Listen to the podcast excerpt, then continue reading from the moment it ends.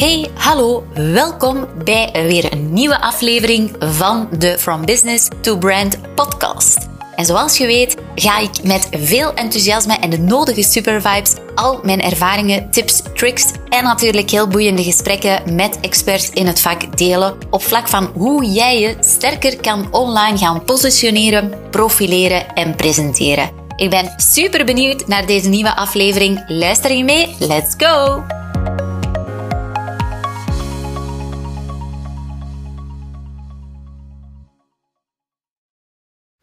Hallo, superleuk dat je weer intuned en luistert naar deze nieuwe aflevering van de From Business to Brand podcast. En deze week ben ik geïnspireerd door een podcast die ik zelf luisterde met Alexandra Legros en dat is de Global Marketing and Communication Manager of Director bij Hunkemuller. En ja, Hunkemuller is toch wel een van de lingerieketens uh, die vandaag zeer populair is in Benelux. Mogelijk ben je er trouwe klant. En uh, ja, ik was gewoon ook heel erg geboeid door haar verhaal. Op welke manier zij toch focussen op het bouwen van een merk. Ja, we kunnen wel zeggen dat Hunkemuller vandaag de dag echt wel een brand is geworden. Dus niet alleen een business, maar echt ook een brand. En ja, dat, uh, dat, ja, dat passioneert mij. Dat, dat integreert, of hoe zeg je het? Uh, dat inspireert me om, um, om daar meer van te weten op welke manier mensen toch van een business een sterk brand kunnen maken en hoe dat vandaag de dag sterke brands toch ook weer de leader in hun, um, in hun um, sector blijven. Want ja, uiteindelijk gaat het erom om toch die impact te blijven behouden. Want soms heb ik wel de indruk dat mensen zeggen van ja, maar we hebben onze klanten en uh, we hoeven niet zo actief te zijn op social media, want we moeten niet echt nieuwe klanten hebben op dit moment. En daar zitten toch wel wat rare dingen in, vind ik. Want ja, als we kijken naar grote brands, bijvoorbeeld een Coca-Cola, waarom blijven die toch nog steeds um, publiciteit doen, hun marketing sterk inzetten? Ja, dat is natuurlijk omdat ze ook on top of mind moeten blijven bij de consument. Want als er plots jaar en dag amper gecommuniceerd wordt omtrent Coca-Cola, dan denk ik trouwens ook dat er veel minder Coca-Cola geconsumeerd zal worden.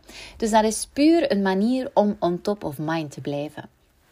Dus de ene heeft natuurlijk met hun online communicatie andere doelen dan de andere. Maar ik was dus heel erg geïnspireerd door haar verhaal en de manier waarop zij het ziet.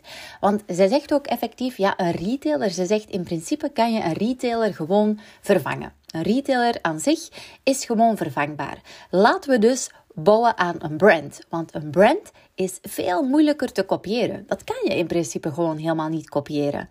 Maar wat moet je dan precies doen om een brand, om een merk te worden? Ja, dan moet je natuurlijk kijken waarin kan je het verschil gaan maken. Uh, wat kan je anders doen ten opzichte van jouw concurrenten, conculega's? Want en dat is één ding natuurlijk. Hè? Dus inchecken bij jouw identiteit, inchecken bij wat je anders onderscheidend gaat doen.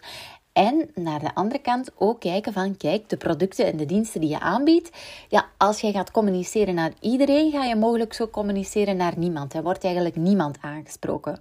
Dus zij zegt ook effectief van, kijk, we moesten heel duidelijk beslissingen maken. We moesten heel duidelijk keuzes gaan maken. Keuzes op antwoorden op vragen zoals, wie willen we zijn? Wie is onze doelgroep? Welk gevoel willen we neerzetten? En uh, ja, als we op die eh, vragen een antwoord hebben, kunnen we ons meer en meer onze communicatie ook beter en beter gaan inzetten. Want als wij weten ten eerste wie wij willen zijn in de kern, dus onze identiteit, als wij weten wie onze doelgroep is en welke doelgroep in hun geval uh, de vrouwelijke doelgroep. Dus in plaats van, uh, dat vond ik ook wel een hele leuke, in plaats van hero, hè, wat heel vaak natuurlijk mannelijk geassocieerd wordt, hebben zij er shiro van gemaakt. Hè, dus dat stukje she erin gebracht. Dus die vrouwelijke empowerment naar boven gehaald. En tenslotte gaan zij ook heel erg de, de focus leggen op welk gevoel wil je als bedrijf neerzetten. En dat stukje gevoel zit hem heel erg in die brandbuilding. Um, en dat stukje gevoel moet je natuurlijk gaan focussen op welke waarde wil je uitstralen. Uh, hoe zie je, zie je jouw positionering in de markt?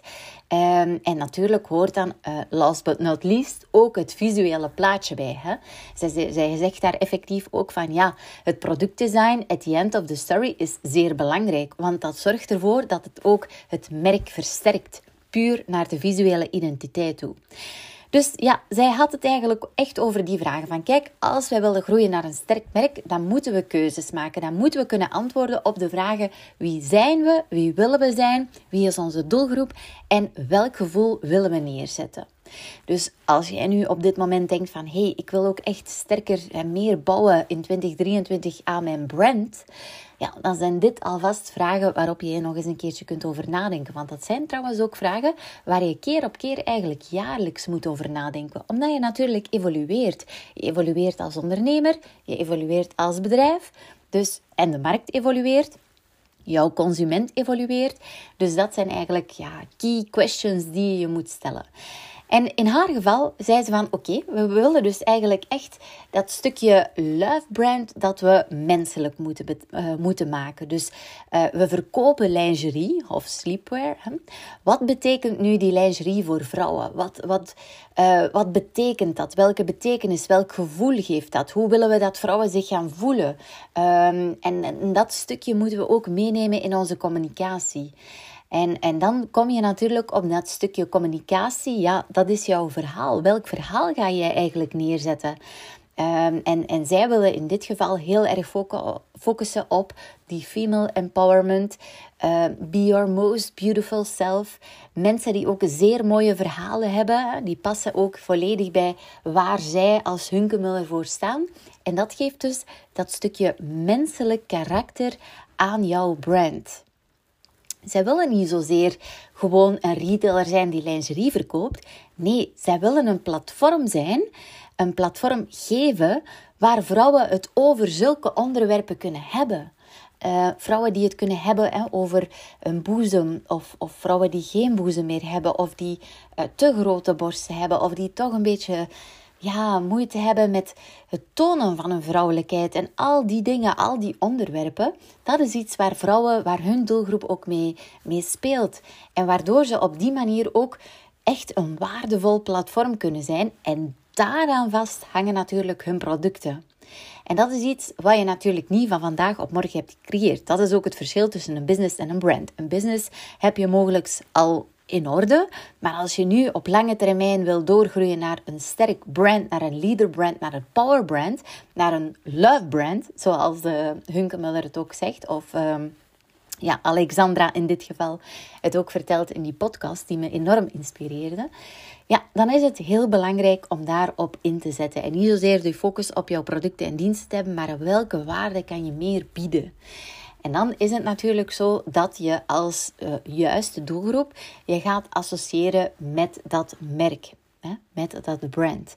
En natuurlijk in het geval van Hunkemuller is het niet zozeer mogelijk om daar meteen de ondernemer naar voren te laten komen of misschien mensen die er werken, maar om toch dat stukje menselijkheid, die persoonlijkheid te geven aan hun brand, wat key is, ja, gaan zij natuurlijk gebruik maken van die influencer marketing.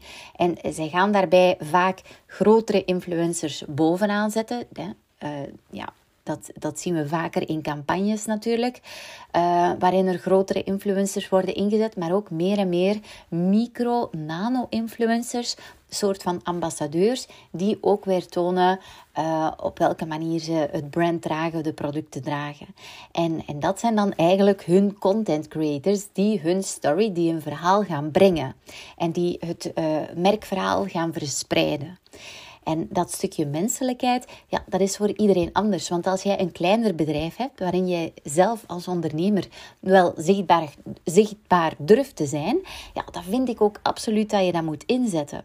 Want mensen kopen van mensen.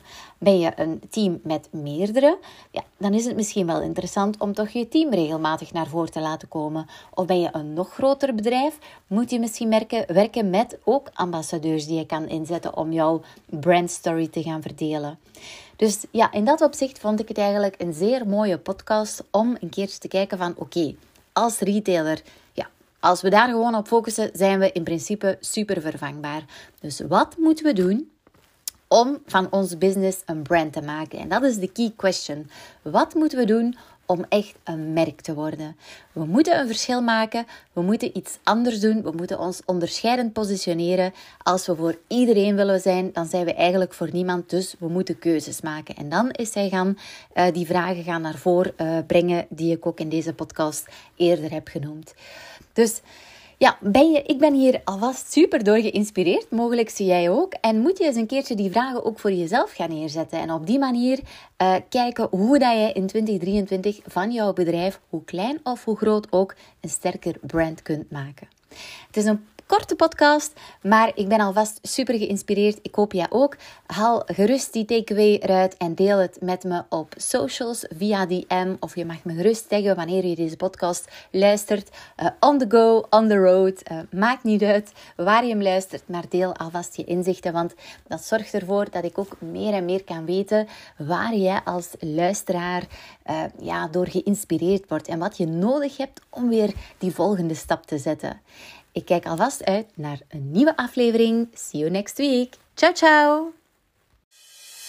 Oh my god, je luistert nog steeds. Fantastisch. Dit wil zeggen dat je mogelijk enkele takeaways hebt gehaald uit deze aflevering. Dus ik zou het zo fijn vinden mocht je een screenshot maken van deze podcastaflevering. Tag mezelf op socials zodat ik ook weet wat jou precies inspireerde. En op die manier kunnen we ook weer anderen inspireren. Uiteraard mag je ook een review plaatsen zodat we meer en meer worden gevonden met deze podcast. Want wat onze visie en missie is, is be branded, be different, be you. See you. Ciao!